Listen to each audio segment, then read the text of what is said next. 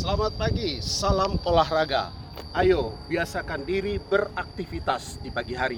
Kemarin, KPK menangkap Wakil Ketua DPR RI. Kita saksikan nanti proses hukumnya yang akan berlangsung. Saya teringat nasihat seorang raja yang berkata tentang kekayaan.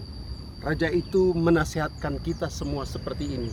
Janganlah bersusah payah untuk menjadi kaya apalagi ya dengan menghalalkan segala cara. Tinggalkanlah niatmu itu, karena tiba-tiba ia akan bersayap lalu terbang ke angkasa seperti Raja Wali. Jaga integritas, selamat beraktivitas. God bless you.